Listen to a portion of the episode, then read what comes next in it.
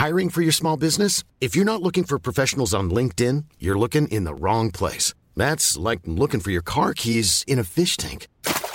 LinkedIn helps you hire professionals you can't find anywhere else, even those who aren't actively searching for a new job but might be open to the perfect role. In a given month, over 70% of LinkedIn users don't even visit other leading job sites. So start looking in the right place. With LinkedIn, you can hire professionals like a professional. Post your free job on linkedin.com slash people today. Ever catch yourself eating the same flavorless dinner three days in a row? Dreaming of something better? Well, HelloFresh is your guilt-free dream come true, baby. It's me, Kiki Palmer. Let's wake up those taste buds with hot, juicy pecan-crusted chicken or garlic butter shrimp scampi. Mm. Hello Fresh. Stop dreaming of all the delicious possibilities and dig in at HelloFresh.com. Let's get this dinner party started.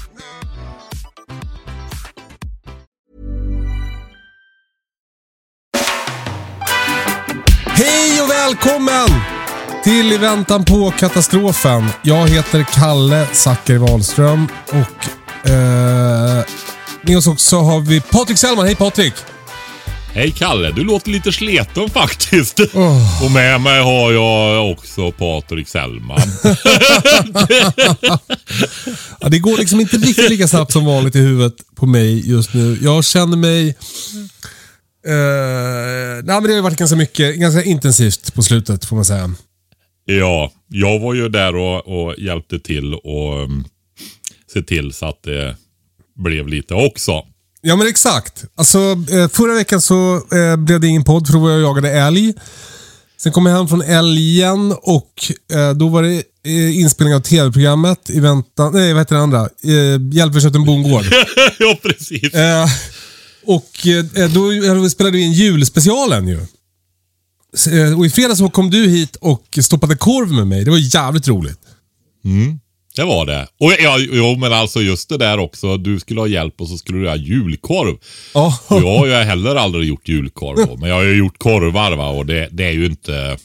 Vet man bara vad man ska göra så gör man ju det va. Men eh, vi gjorde ju något revolutionerande. Vi gjorde ju en god julkorv Det är faktiskt. helt sjukt. Det var, man har aldrig smakat förut tror jag. Nej, precis. Ja, Jag höll igen lite på kryddpepparn. Ja, Och det tror jag var en framgångsfaktor. men sen hade vi ju lite... Vad ska vi säga? Fastare, torrare fett i också som gjorde att den blev men lite köttigare faktiskt. Just det. Inte så Även mycket som om en den var- gröt. Nej, och mer... Eh, fast den var så finmald och dubbelmald och så vidare så var den ändå lite köttigare faktiskt. Men ändå julkorv. Så eh, vi kallar den för julkorv. Jag, jag har gjort korv förut och då gjorde jag med en eh, köttkvarn med en sån där korvstrut till. Mm. Eh, och du hade ju med en handvevad korvstoppningsmaskin. Korvspruta ja. Korvspruta. Och Ja. vilken skillnad att ha den istället för en köttkvarn.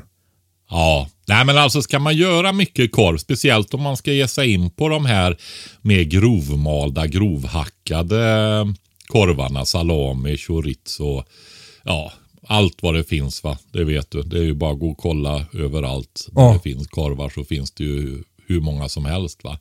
Nej, men när man gör dem. Ja men precis. Eh, Shremska och det går ju Merguez. Ja, men i alla fall. Bratwurst. Det, ja, det är ju så.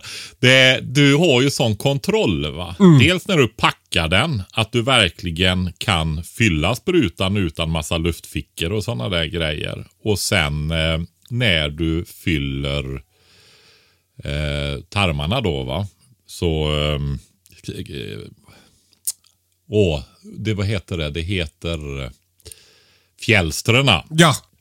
Kom jag på det själv. Du var långsamt det gick i huvudet där ett tag. Nej men när du vevar, du har liksom ena handen vid fjälstret och känner liksom och den andra vevar du med. Så du har ju liksom totalkontroll då. Ja. va. Så, nej, jag, det, det ska du skaffa en. Men eh, vi ska ordna det. Jag ska leta upp en som du ska. Du ska, ju, alltså, du ska vara riktigt ärlig. Vi körde ju med svinfjälster nu, Mm. alltså gristarmar. Och det är en väldigt vanlig det var ju så att sprutan räckte ju i princip till en tarmlängd. Den var ju som gjord till det. Ja. Så den, det kanske är lagom ändå då. Ja. Eh, om man ska, ska vi prata lite om hur man gör korv eller? Vad är viktigt Ja, att det- tänka på? Ja, det, ja, det är... Eh, jag ska väl säga också så här att det, man ska använda bra kött och så ska man se till att man får... Det går att använda, det beror på vad du ska göra för korv givetvis. Va? Det kan ju också vara ett sätt att ta vara på de inte så fina köttbitarna då. Va? Men det beror på vad man ska göra. Eh, men det som oftast är viktigt det är att ha med fett i korven. va så att den blir smakrik och inte för torr skulle jag säga. Just det. Men det är ju i recepten. När man börjar så följer man ju ett recept, så är det. Ja. Vi använder ju ryggfett från gris. Eh, eh, det var någon som skrev till mig på Instagram sen att man ska inte ha ryggfett när man gör korv, bara när man gör salami. Men det blev ju bra. Ja, ja, ja, ja, ja. Det blev det.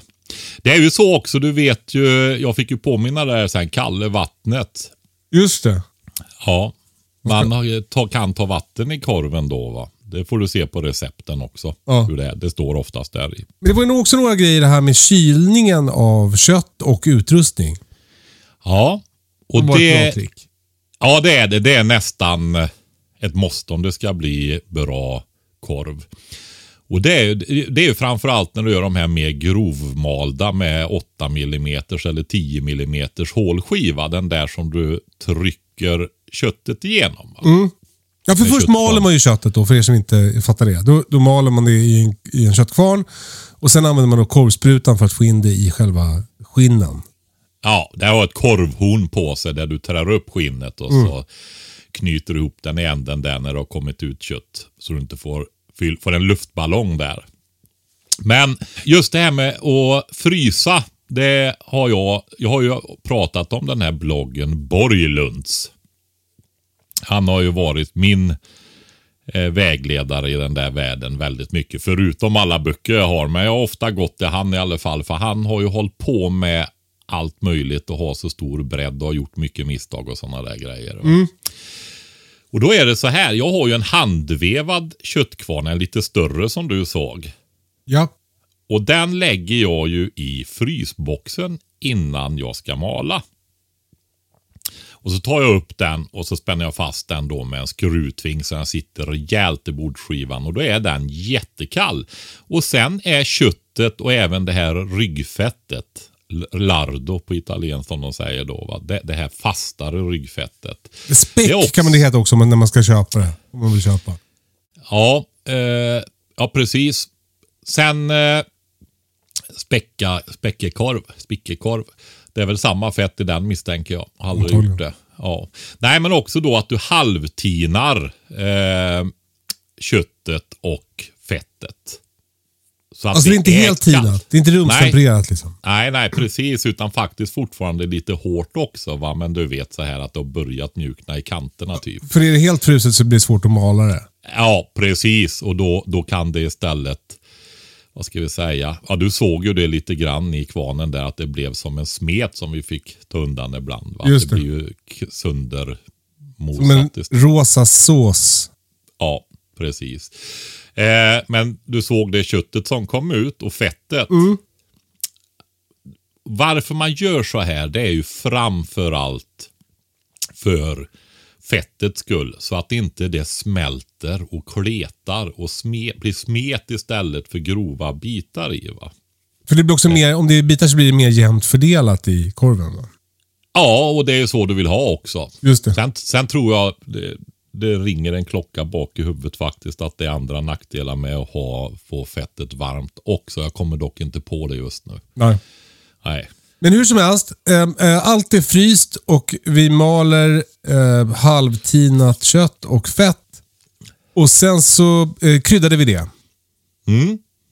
Eh, och då får man ju välja själv vad man ska ha för kryddor. Eh, vi följde eh, halvt något eh, chorizo-recept, bland annat, förutom julkorven. Då. Ja.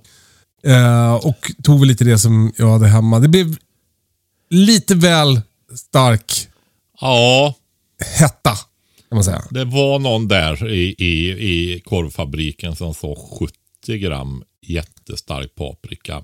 Men det fick inget genomslag. Ja, det var, då sa den andra, han allt genast Fort och fel! Fort och felmannen sa ah, vi kör väl 120 eller vad det var. Så jag tror, jag tror tyvärr, alltså det, och det här är ju liksom förbannelsen. Det, det här, jag ska säga ett tips till alla er som tänker göra korv. Så provstek smeten. Alltså ni tar en klick av smeten och steker den. Och är den inte god, så gör inte korven. För, för det, är liksom, det är för mycket jobb och du har för, det är för mycket, du ska vacka allt, du ska ha det i frysen. Om den inte är god så kommer du inte att äta den. Och Jag skulle nu säga att den här chorizon, den är ju väldigt god, men den går ju inte att äta i bröd. Det går inte att äta korv med bröd med den här, för den är, den har ju alldeles för, den är för stark. Alltså för mycket Jag ska- smak. Alltså göra, ha den eh, nu när du har fått den. Du har, den ger ju hetta till maten så du, den är ju perfekt. Den var ju jättegod Kalle. Ja, den var det säga. Men supergod. det bar Alltså, var iväg ganska fort och blev för, för het. Det Så liksom för mäktig. Men, men Ja. eh, till exempel så, eh, vi åt den på kvällen. Smeten som blev över åt vi som tacos på kvällen. Och det var ju Ja. otroligt gott. Ja.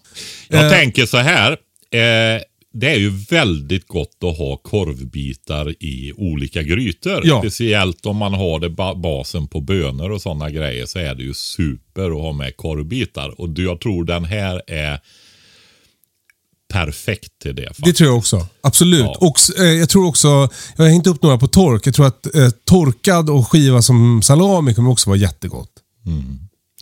Men jag vill också tillägga till din grej där med provstekningen då. För det är ju det man gör. va. Man provsteker smeten för att se om man ligger rätt. Det är ju som när man provsmakar en sås eller gryta eller vad som helst. Va? Men, Ja. men då steker du smeten istället.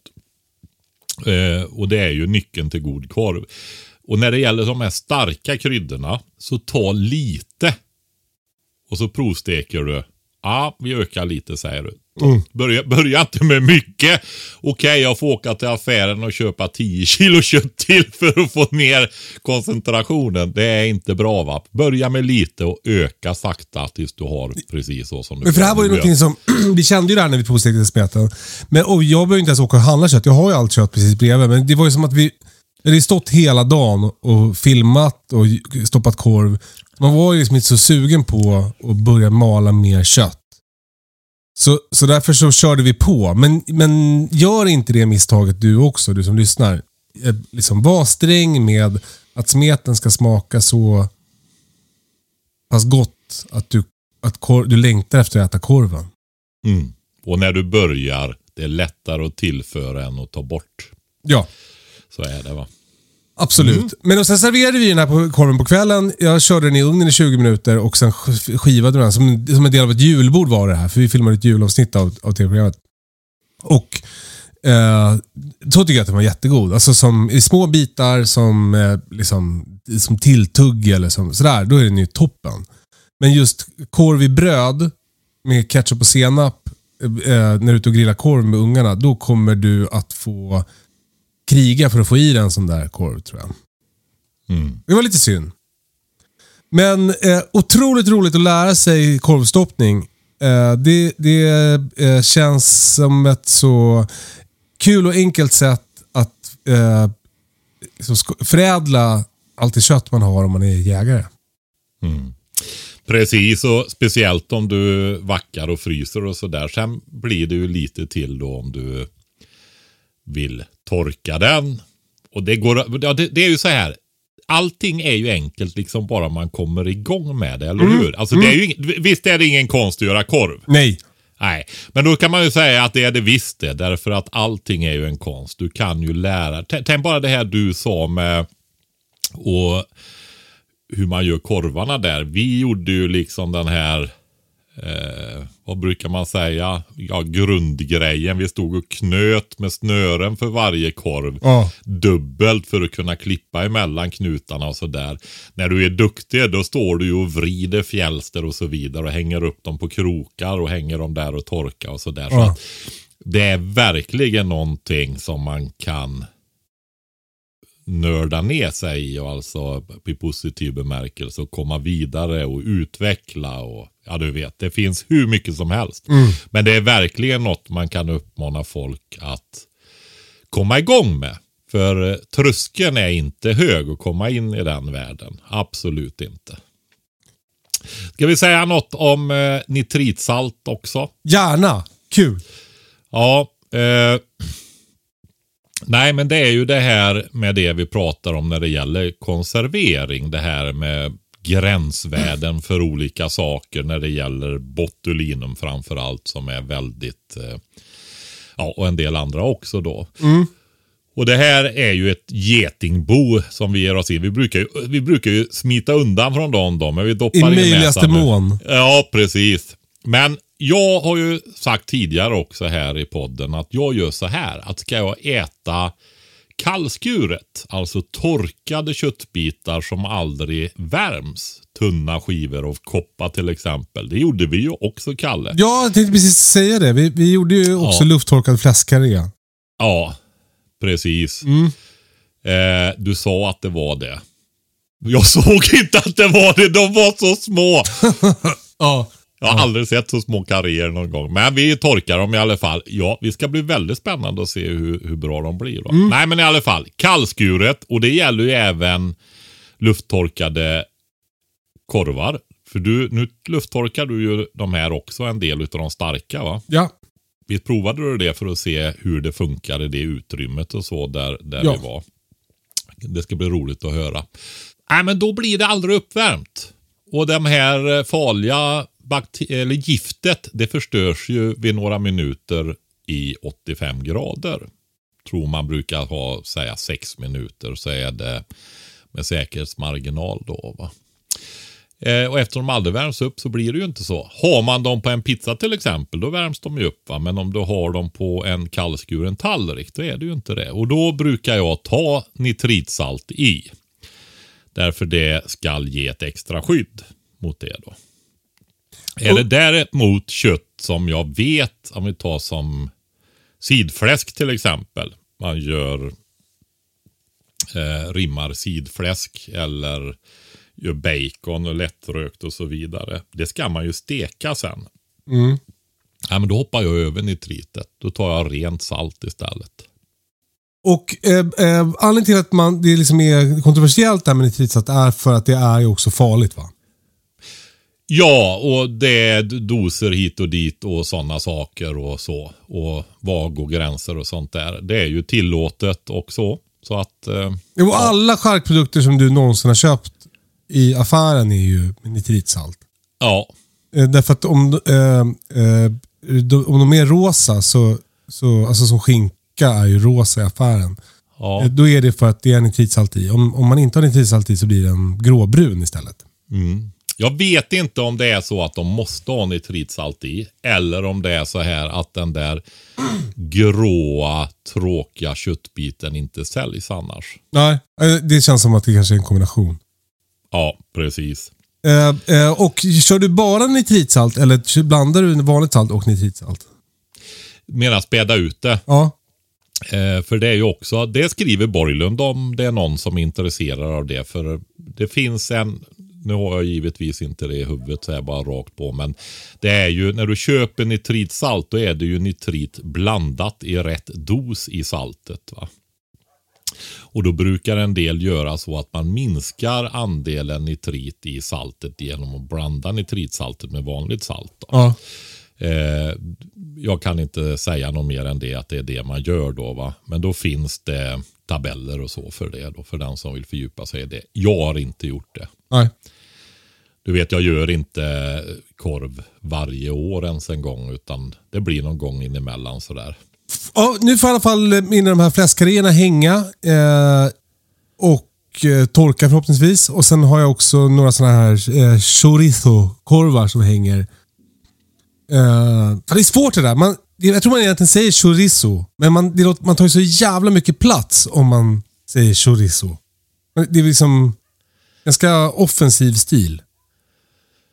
Så därför är det lättare att säga chorizo. Ja, du som är håller reda på detta Kalle. Ja, det får jag ta på mig.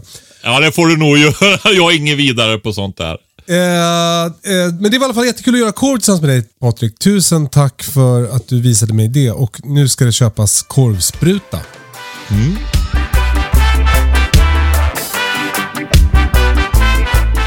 Men helgen var ju inte slut där Patrik. Nej, det kändes ju som jag hade flyttat dit efter ett tag faktiskt. Eh, eh, I fredags gjorde vi korv. Lördag så hade vi julstök och julfest. Eh, lite tidigt kan man tycka, men vi åt bland annat sprängd anka. Oj, oj, oj, oj, oj.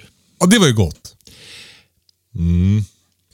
Det var väldigt gott ska jag säga faktiskt. Det var ju så att det var ju en mamma till en av Brittas kompisar som var med där. Hon var ju från Kina och det där var ju verkligen en lokalrätt där.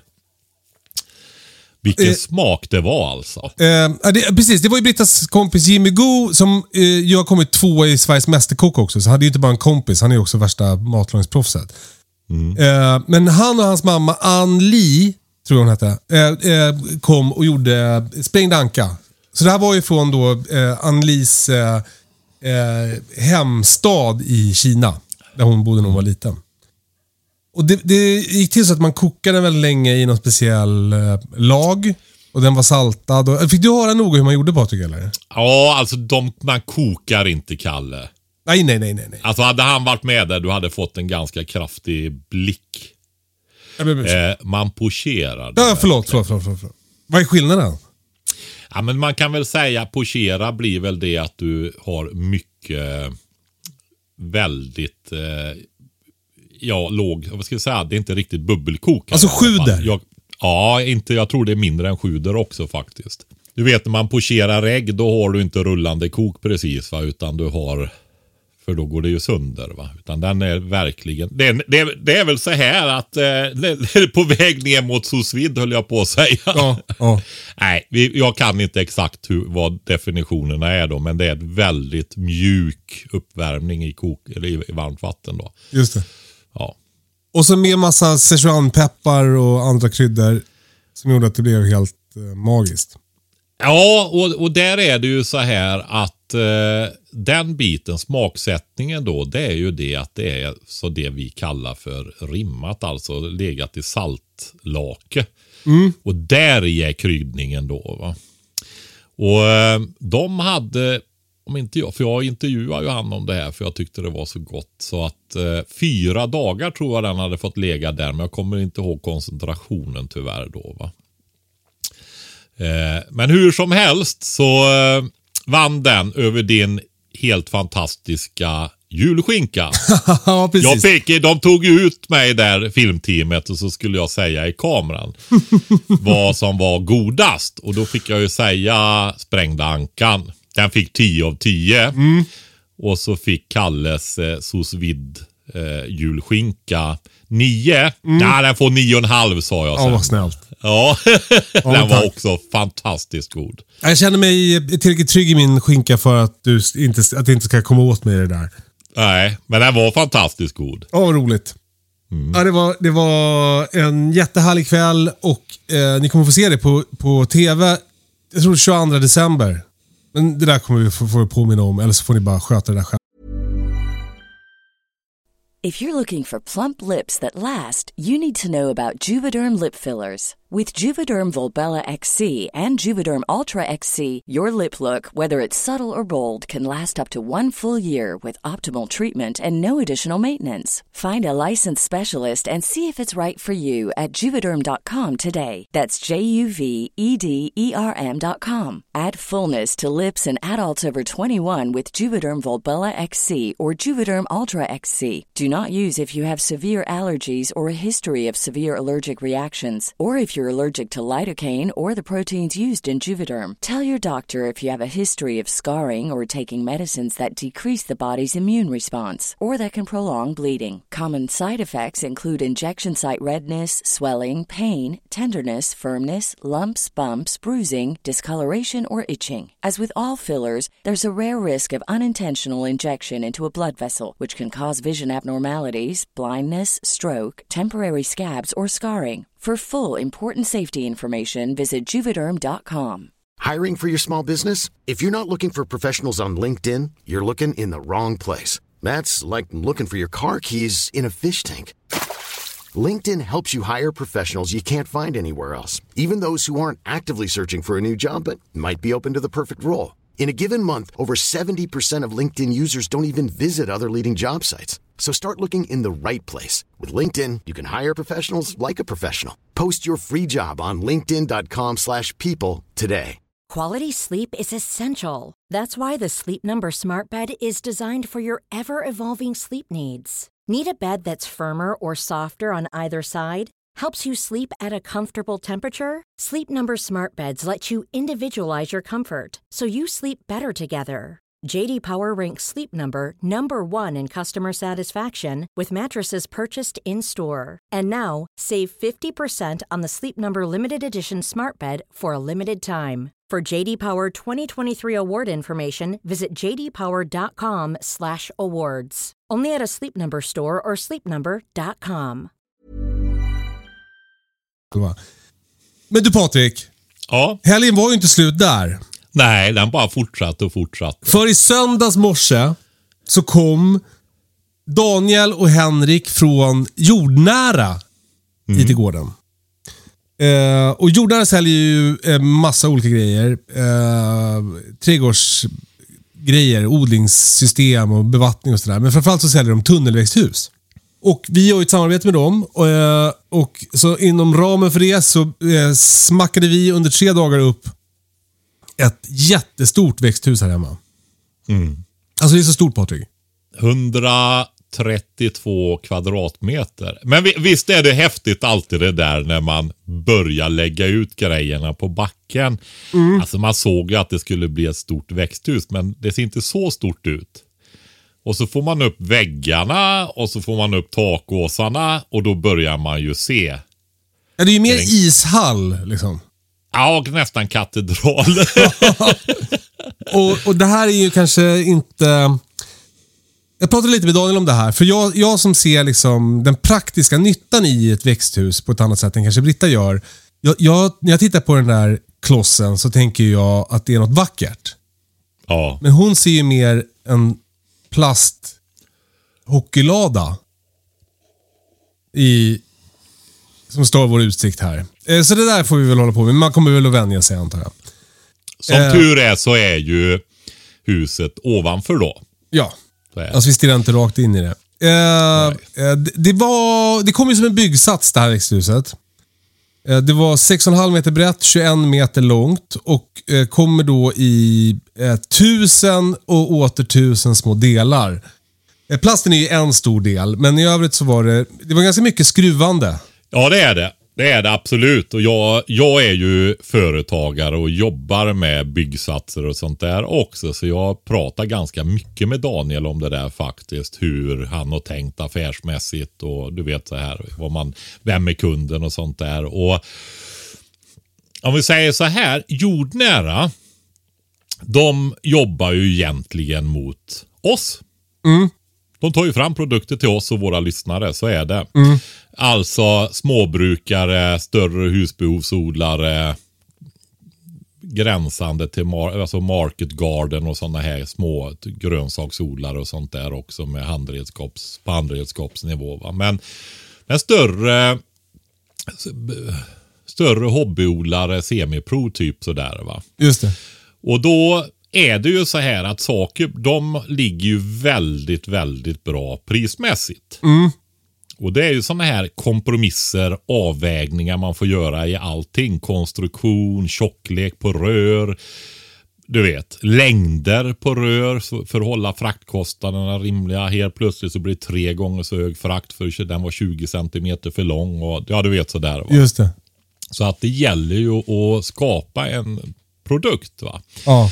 Och eh, om man, om man tittar, alltså det är ju så här, jag har ju ett, eh, ett eh, bågväxthus här från en annan. Men det är ju en halvmåne. De har ju så dyra växthus nu så de ger ju nästan upp när de importerar de här. va. Alltså det drar iväg så nu. Och det som är roligt med jordnära det är ju det att när de här galvade bågarna de tillverkas ju i Småland. Ja, det känns ju kul. Att det är som helt svenskt. Ja. Och eh, ja, men Jag har ju tittat på växthus med stegar och sånt där. Alltså Det betyder att det är dubbla bågar och zigzagstag och du vet så här, jag bor i Värmland, mycket snö och så vidare. Och Jag tog upp den där diskussionen med, med Daniel där då, hur han tänkte runt omkring det där. Och då är det ju så att de steg, ofta är ju stegarna och det då, de är ju halvmånar, alltså en halvcirkel så här. Och då blir de ju lite platta uppe på taket. Du tänker en halvcirkel där, då är det lite halvplant där uppe va. Och då lägger sig ju snön där. Ökar lite grann. Jag har ju så här i mitt lilla 40 kvadratmeters bågväxthus. Där får jag ju gå in och sätta upp stämpar, alltså stående stuttor under. För jag har plasten på året runt. Just det. Så inte det ska kollapsa helt enkelt. När det blir mycket blötsnö på. Men om du då tar den jordnäras konstruktion så är det ju ungefär som takstolar. Vet du. Det är ju en nock på. Ja, men exakt. Alltså det, det ser ut som ett vanligt eh, hustak. Och då Ja. har du en spets där uppe. Och det gör att snön glider av. Och sen om du har ett bågväxthus då som är en halvcirkel. Då får du ju lite lutande väggar och snön glider av och så ligger den och trycker rakt emot sidorna redan från början kan man säga. Är, du, är du med på det? Kan du se det? Ja, jag förstår. Alltså Ja. snön glider av eh, den här... Eh, Halvmåne. en halvmåne. Alltså eh, växthuset är verkligen format som en tunnel. Det är som en... Ja, precis. I en bågform så här. Och då lutar ju väggarna inåt lite grann, eller ja, knappt allra längst ner då, men ganska fort lutar de ju inåt va, i den här bågen. Och då lägger sig ju snön emot sidan och trycker med en gång. Medan de här med raka sidor. Vi, jag som är 1,90 jag kunde ju gå ut och ställa mig allra längst ut emot väggen. Ja, utan att ta i ja det är full ståhöjd på hela ytan. Ja. Precis. Och då har du en rak väg där. Och då är det ju så här att när snön då kasar av från det spetsiga taket så har den lite fart och hamnar en bit ifrån väggen. Men blir det mycket snö, ja då kommer det ju att, vad ska vi säga då, fylla på och till slut så ramlar det ju in mot huset. va. Så, men det är ändå en fördel och jag tyckte det var roligt att han sa det. va. Ja, men fick- den här frågan om snön eh, och vind och sådär, det får man ju när man pratar tunnelväxthus. Ja, Eh, och eh, Det är ju en, en, en mer ömtålig konstruktion än att bygga av trä och glas. Men det är också en väldigt mycket billigare konstruktion och det är en väldigt mycket, det är väldigt mycket mer lättjobbat. Alltså vi byggde det här växthuset på två och en halv dag. Och mitt förra växthus, det tog ju fan ett halvår att bygga. det här är eh, sex gånger så stort nästan. Ja, men fem, exakt. va? Ja, Fem, ja precis. Fem gånger så stort. Och det, det, här, det här är ju som att sätta upp ett stort tält. Liksom. Mm. Eh, men men så, eh, det är ju en kompromiss såklart. Och, och Ja, det är det. Allt är det, vet du. Man får väga för och nackdelar. Hur ser min verklighet, min kontext ut här? Vad så stämmer och så vidare. Men jag, jag vill säga en sak till om de där. För det, det är nämligen så här, själva stommarna då, skelettet. Takåsarna och sidorna och alltihopa det här va. Eh, som de gör i Småland. De är ju alltså gjorda i 2 mm rör. Och då är det ju så att 3 mm rör är mycket starkare. Alltså, det här De är då väger ju mycket mer tjockleken i väggarna i röret. Det är inte ja, själva, själva metalltjockleken. Och två millimeter räcker ju alldeles utmärkt. Va? Så är det. Men sen tillverkar de ju alltihopa och så varmförzinkar de dem i bad när de är klara. Ja. Så de är ju försinkade på insidan, utsidan, precis på varenda kvadratmillimeter. Va? Just det. Och det är ju det som skyddar mot rost sen. Just det. Så att det är, om man säger så här. Jag känner inte till någon rimlig metod som är bättre. Som är gjorda på bästa sätt kan man säga, som är rimlig i alla fall. Va? Och fan, vad fan var det han sa? Galven lagar sig själv. Ja, alltså det är ju joner och rost är ju en oxideringsprocess och så vidare. Va? Och då är det väl så här att den där jämnar ut sig. För har du joner, då har du ju plus och minuspoler och så vidare. Och då blir det ju krafter som drar i det där. Så att det är ganska lätt att tänka sig om man kan lite kemi och fysik att att det flyter ut. Och han sa väl det när vi hade lite, när man doppar de här i ett galvbad, när de är färdiga så tar man ju upp dem och galven är ju flytande då. va. Så att eh, då kan det ju bli droppar och vi filade ju där. Och då sa han att det där går alldeles utmärkt när han berättade det här att den lagar sig själv. Då. Alltså för att få ihop eh, de olika delarna så behövde man ibland fila bort som ett litet galvskägg eller vad fan det kallades. Ja, skägg eller det finns droppar och lite sånt där Ja. som kan vara. Men det var inte mycket. Det var väl kanske på var femte, var sjätte skarv kanske, max. Och det tog eh, snitt 17,3 sekunder kanske. Ja. Du, eh, eh, men jag frågade Daniel om det här med liksom snön och vind och sånt där. Ja. Och det han, han säger så här, eh, de har någon siffra för hur mycket vikt eh, konstruktionen tål. Alltså eh, hur mycket snö hur mycket snön kan väga helt enkelt. Men det är jättesvårt att säga hur mycket snö det är. För man mäter ju sällan snö i vikt, utan man mäter ju oftast i centimeter. Och snö Och kan ju vara kan puder vara- eller kan vara blötsnö och så här. Eh, han sa att på vintern, eh, det är bara då som snö kan fastna. För på, på, på, eh, senare på året, så solen värmer upp växthuset, då, då blir, blir det varmt inuti och då glider snön av. Så det är inget problem. Men det kan fastna snö mitt i vintern. Och blir det mycket, ja men då går man in i växthuset, puffar lite på plasten så glider snön av. Ja, precis. Och det är inte mer än så egentligen. Och när det gäller blås då, för det är också någonting som... Nu, nu monterade vi eh, takplasten som ju var då 250 kvadrat eller någonting. En stor plastbit. Som vi drog över igår när det var vindstilla. Idag blåser det som fan, så det var ju tur att vi gjorde det. Men den, den rör sig lite när man är i växthuset. Man hör hur det liksom fladdrar nu när det blåser mycket. Och Då, då blir man orolig. Och så här. Men då, då, tydligen så, det håller liksom. Så länge stormen inte har ett namn så behöver du inte göra någonting. Har stormen ett namn, då är det viktigt att dörrarna är stängda, att fönster, vädringsluckorna är, är säkrade och så vidare. För då kan det bli liksom väl bra tryck. Mm. Uh, Men du vet det här att en konstruktion rör på sig. Det är ju, eh, är ju viktigt. Just det. Där, därför att då när det kommer en kraft emot den, då tar den upp den I rörelsen. under längre tid. Va? Ja, men precis. Under längre tid. Det, det är samma tänk som när du har deformationszoner på en bil. Du vet det här att eh, motorhuven ska knuckla ihop sig så att själva krocken pågår x antal millisekunder längre. Va? För då fördelas kraften över en längre tid. Så den här riktigt är det helt stumt, då kommer ju all kraft på jättekort tid. Va? Och då blir det mycket kraftigare stötar i. Då, va? Ja. Och så gäller det, gäller det i, eh, i byggnadskonstruktioner också. Har du inte hört sett det där att eh, skyskrapor står och svajar och sånt där? Uh. Gud vad läskigt. det vill jag aldrig mer tänka på. Nej. Ehm, vi frågade också Daniel lite om det här med eh, be- be- beredskapsperspektivet på sådana här växthus. För eh, en grej som är med plast är att den... Ja, dels är den behandlad på ett speciellt sätt. Alltså det är polypnö och nö och nö. Det är som en lasagne med olika sorters plast som har olika egenskaper. Och Sen är det också blandat i, kryddat med olika grejer som gör att den blir UV-beständig till exempel. Ja, Eh, eh, den eh, är också behandlad på något sätt så att kondens ska rinna av och inte droppa ner på växterna. Den är också gjord så att IR-värme, alltså värmen som är i jorden i växthuset och i massorna där inne i växthuset på kvällen.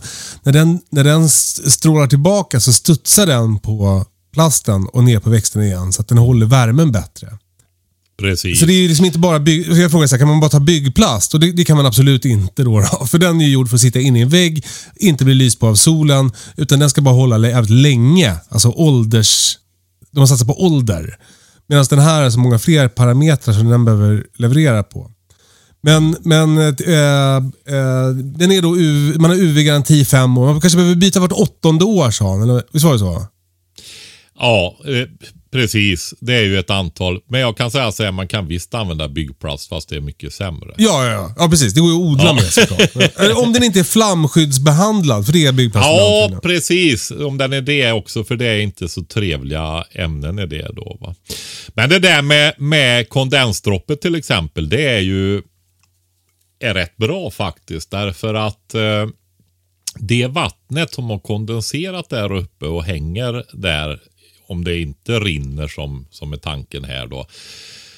Det blir väldigt kallt vatten. speciellt på för och eftersäsongerna då. Och droppar det ner på plantorna så är det jobbigt för dem alltså. Så att det är inga oviktiga funktioner. va. Så är det. Så det, det, det, det du egentligen säger här Kalle var att vi förstod att även plasten hade han tänkt igenom väldigt noga Jo, det- och tagit fram riktigt, riktigt bra. Den är faktiskt lite tjockare också. Men det var ju också en kompromiss. Hur tjock vill man ha? Ju tjockare, ju hållbarare va? Ja. Men då släpper den ju igenom mindre ljus och så vidare. Va? Så han hade, han- jag tror han sa att standard var 180 och den här var 200 mikron tjock då. Ja, standard var, vilken standard det nu var. Jag släpper Ja, in men en den 93% normala. ljus i alla fall. Ja.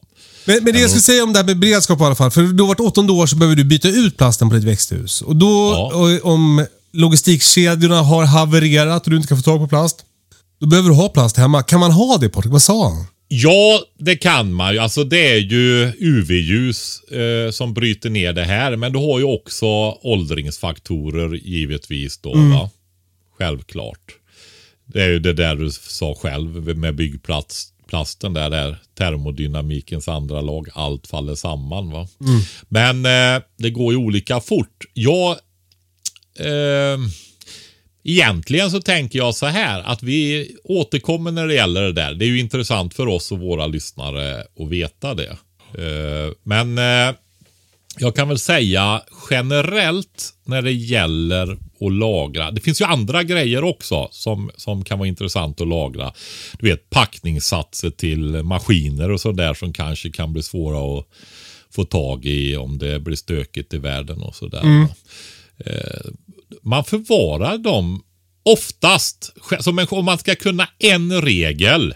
Och då hamnar man ju rätt på nästan allting om det inte är någon specialgrejare som ska ligga i någon lösning eller någonting sånt där. Men, men ofta är det samma som för mat faktiskt. Mörkt, alltså skyddat från solljus och annat konstgjort ljus. Det ska ligga svalt, inte för kallt och inte för varmt. Och det ska ligga torrt då. Så att det inte blir eh, för fuktigt. Men samtidigt så kan saker torka ur då så du ska ju liksom inte ha, eh, behöver ju inte ha avfuktare i allting då. Förvara Utom elektronik och sånt. växthusplast som du förvarar din lök. Exakt! Det blir nog perfekt. Eh, ja, men nu är i alla fall växthuset klart och det är eh, som sagt gigantiskt. Det är också kul för det, det är ju ganska... eh, Det har ju som riktiga skjutdörrar och så här lite trädetaljer och vädringsluckor som är automatiska med, med träfoder och sånt där. Så det, det känns ju väldigt jobbat inuti. Det känns ju redigt liksom.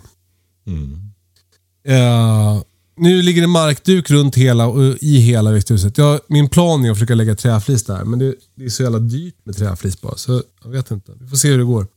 Ja. Nej men alltså jag vill säga det, vi sa det där och fila gjutskägg och sånt där. Jag stod och pratade med han också om sådana saker med. Hur han tänkte runt omkring det där. Va? Och då sa han, då så snackade vi ju där, vem är kunden? Och det är ju vi höll jag på att säga. Och våra lyssnare va.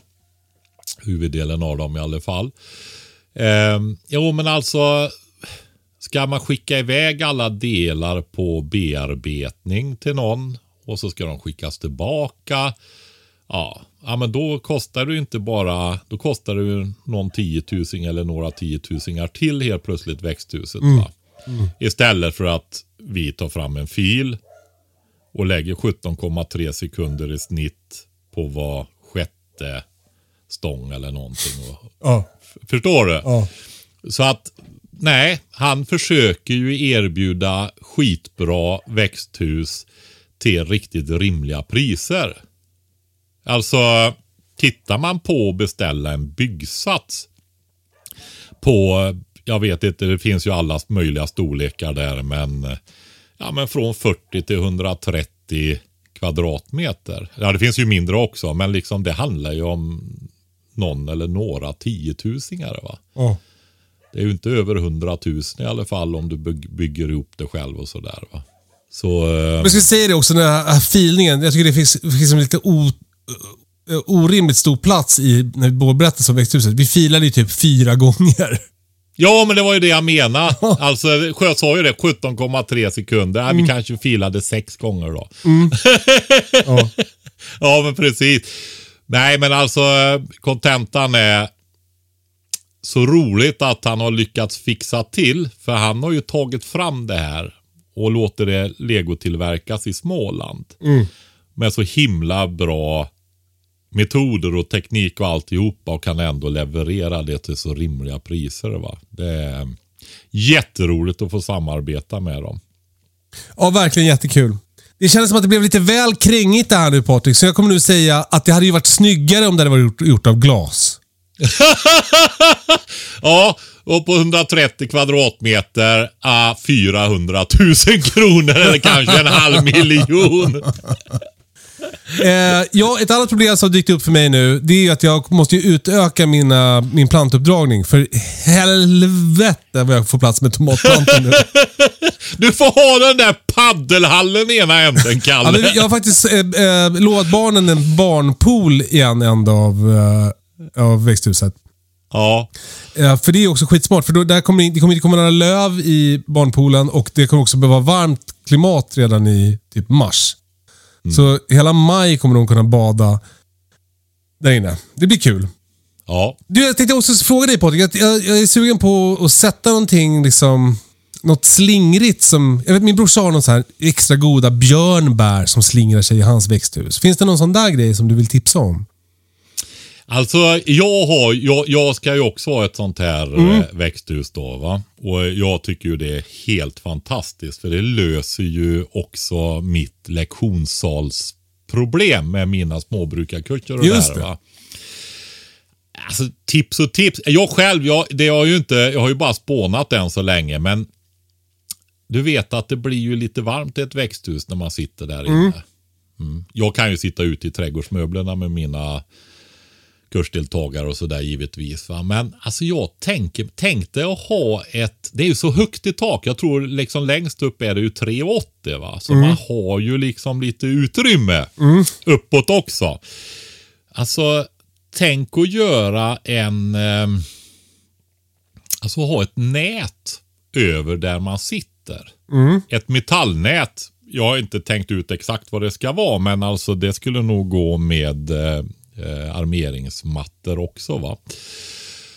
Och så odlar du gurkor och sånt där uppe. För då får du liksom en grön skugga, alltså blad som skuggar över och så hänger gurkorna rakt ner. Alltså ett gurktak. Precis. Otroligt.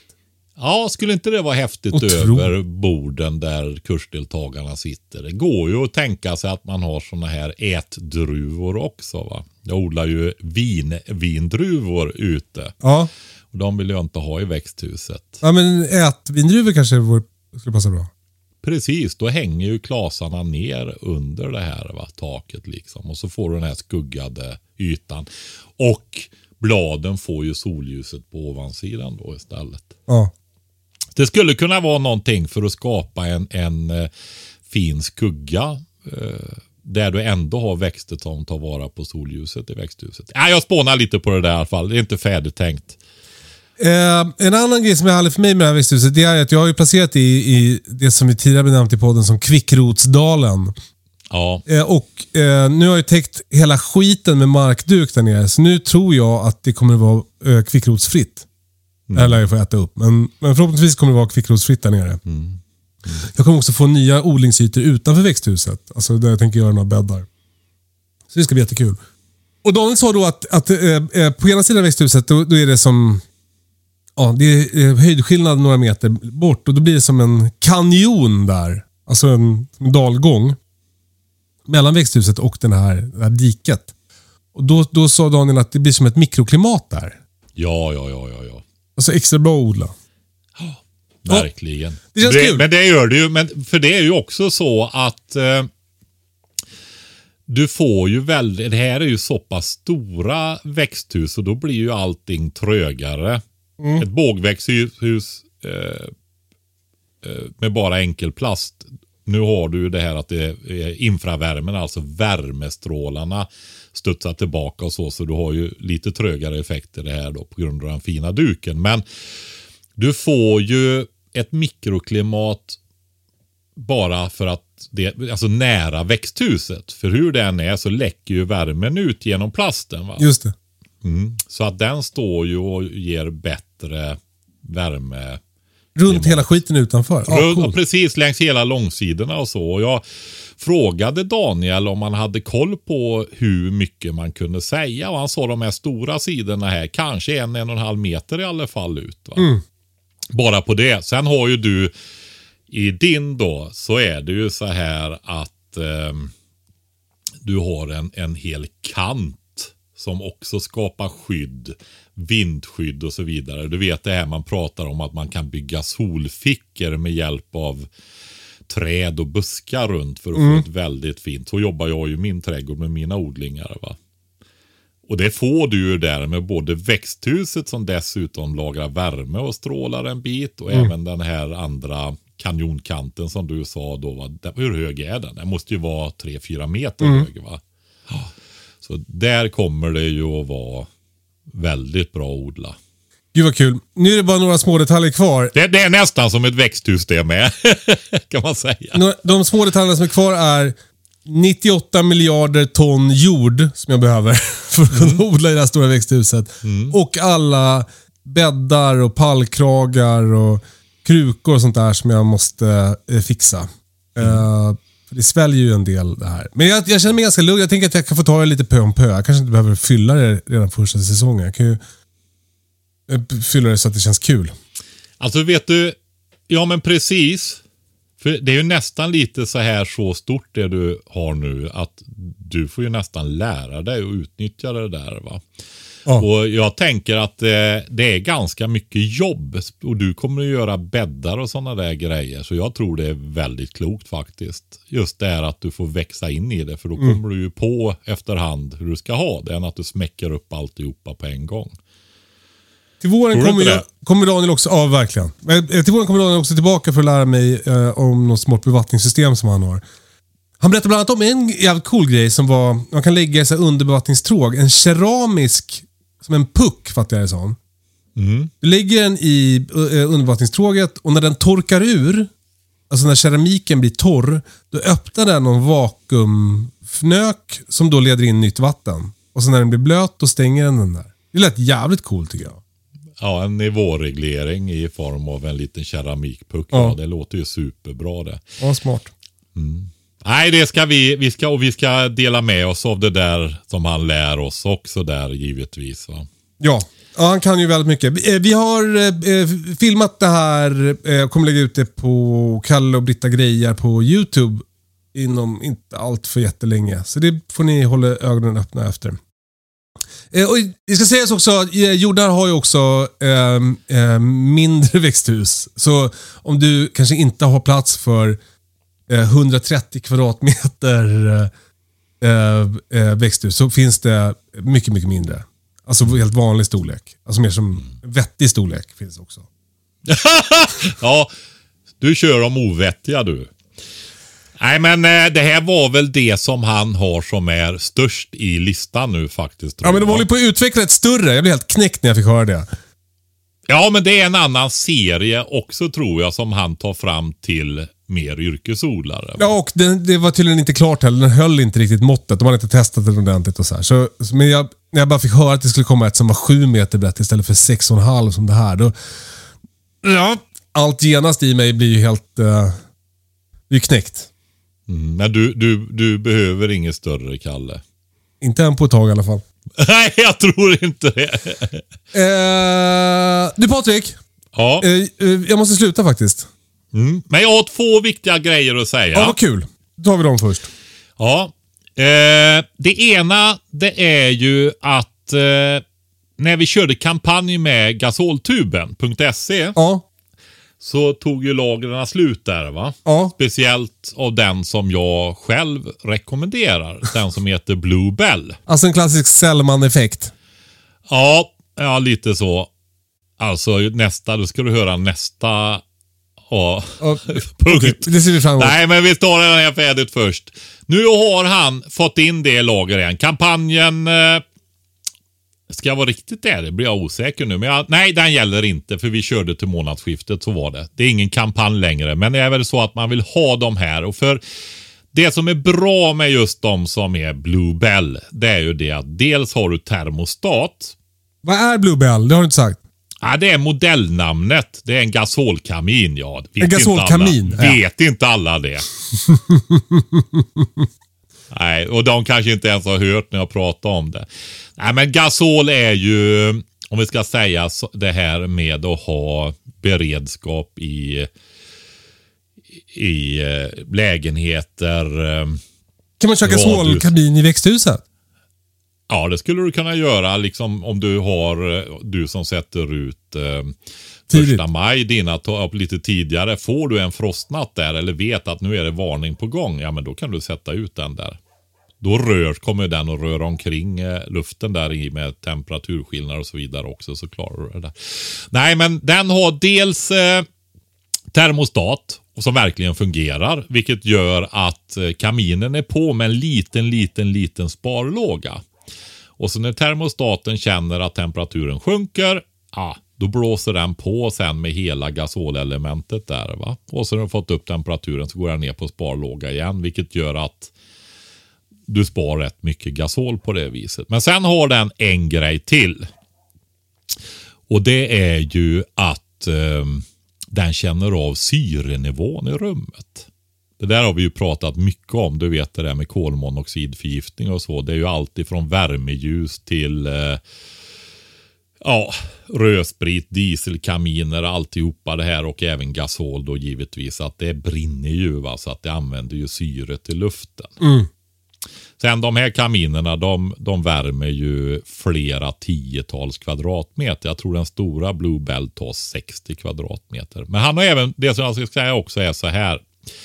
Det är att han har fått in en lite mindre modell också med de här eh, syreavkänningen och termostaten och så vidare. Så har ni inte köpt gasolkamin än så finns de här det finns andra också, men jag, jag själv gillar de här väldigt mycket och ville tipsa om det i alla fall. Så nu har jag gjort det. Bra. Och sen den andra grejen, det är ju det här att du kommer ihåg när jag sa att nu är det dags att köpa skyddsmasker till familjen, Kalle. Det gjorde jag. Vi Jag tar det, ja, vi tar det i podden, sa du då. Ja. Och så fick vi ju frågor. Och då och gick jag ut och tittade på de här butikerna som jag känner till och så hörde jag av mig till dem och så gjorde vi ett samarbete med ovbutiken.se. Alltså jag kan säga så här. Eh, mm. Såldes det några masker Patrik? Eh, ja, de eh, sålde, tog ju in restordrar också för de pratade med leverantören och de skulle få och så vidare. Va? Men det blev väldigt många masker de sålde Ja. kan vi säga. Alltså jättemånga masker. Ja. ja. Eh, men nu fick jag sms i morse. För jag har sagt här, nu vill jag att ni har maskerna som är restade innan jag går ut till, till lyssnarna då. Och nu har de, de har, de har åkt ner själva och hämtat dem om det är hamnen eller på någon terminal eller någonting. Och knökat in en hel last. De vågar inte låta DHL. Ja, men grejen var att det blev så mycket vet du, så det fastnar ju som krigsmateriel och allt möjligt i tullarna och sånt där. Selman-effekten. Ja, precis. Men nu är de, sitter nog just nu, för de har väl varit nere i södra Sverige och hämtat dem vid gränsen typ va. Och kör hem dem här nu och börjar packa. Så ni som inte har fått den då, ni kommer ju att få. Och, men grejen är så här får vi säga också. De här har ju då plockat in vänner och alla de kan få tag i och hjälpa till att packa för det är många, många, många hundra masker. va. Eh, och de har ju den löpande verksamheten vid sidan också. Så att eh, de tror sig behöva två, tre veckor i alla fall för att få iväg alla maskerna. Så är det. Så att eh, eh, ge det två, tre veckor och då är det så här att de eh, får in ännu mer masker. De har beställt fyrsiffrigt alltså. Och eh, det går att lägga ordrar för det är på väg in nästa laddning också nu då. Va? De som har beställt, de kommer att få inom två, tre veckor. Och de gör ju givetvis så att de börjar med de äldsta ordrarna, alltså de som har väntat längst nu då. Eh, får först. Så är det. Så då vet ni det. Varsågoda och förlåt ovbutiken.se. Du Patrik, ganska sponsrat avsnitt idag får man säga. Ja, det var väl, ja, det var väl korven då. Alltså i samarbete med Patriks korvspruta. ja, men då får vi också säga så här så vi sköter oss va. Uh, nu ska vi börja i rätt ände. Jordnära är ett betalt samarbete. Mm. Så är det. Mm. Uh, gasoltuben har varit ett betalt samarbete. utan det är mer en service till lyssnarna att berätta eftersom jag fick så mycket frågor och de tog slut och så vidare innan kampanjen ens var över för det blev sån efterfrågan. Va? Men nu finns de igen och de har fyllt på lagret. Eh, nu ska vi se. OV-butiken. Ja, det, är, visst, det får vi nog säga att det är ett betalt samarbete med. Ja. ja, och jag kan dessutom säga så här att eh, den där kampanjen jag ordnat till lyssnarna där, den gäller fortfarande. Jaha, vad är koden? Så, ja, det är så här att... Eh, jag ska bara sortera så jag inte säger fel här nu. Nu är det hel, hos ovbutiken.se ja. så har de olika kategorier på sina produkter. Och då finns det en som heter krisberedskap allt i den kategorin och det finns massvis med sjukvård, sjuk, stora sjukvårdsväskor, toniker, allt möjligt där.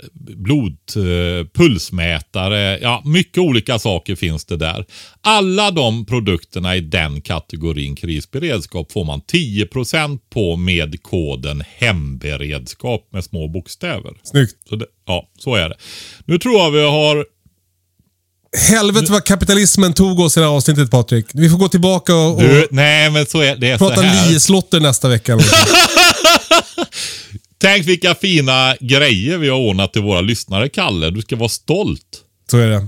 Jag är ja. mest stolt över mitt växthus. Du, eh, eh ja. tack för idag Patrik. Eh, tack för att ni lyssnar. Maila hej katastrofen.se om ni vill någonting och följ oss på Instagram. I väntan på katastrofen heter vi där. Ah, vad fan! Prepbox. Oh ja. Gå in på prepbox.se. Uh, det finns uh, nya produkter där. Det är kul. Ha det så bra hörni. Ja, vad är det för produkter du har där? Det kommer jag inte säga Patrik. Vi kan inte prata mer sälj nu. Det går inte. Vi får ta det nästa vecka. Puss och kram. Hej då! Hej då!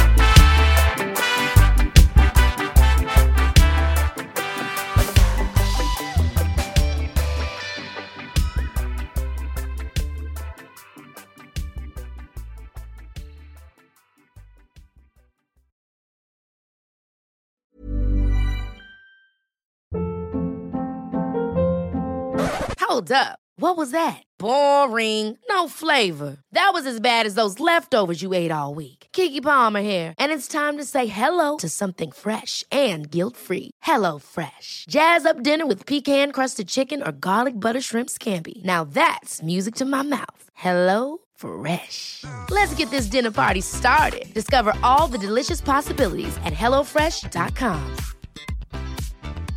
Even when we're on a budget, we still deserve nice things. Quince is a place to scoop up stunning high-end goods for 50 to 80% less than similar brands. They have buttery soft cashmere sweaters starting at $50, luxurious Italian leather bags, and so much more. Plus, Quince only works with factories that use safe, ethical, and responsible manufacturing. Get the high-end goods you'll love without the high price tag with Quince. Go to quince.com/style for free shipping and 365-day returns.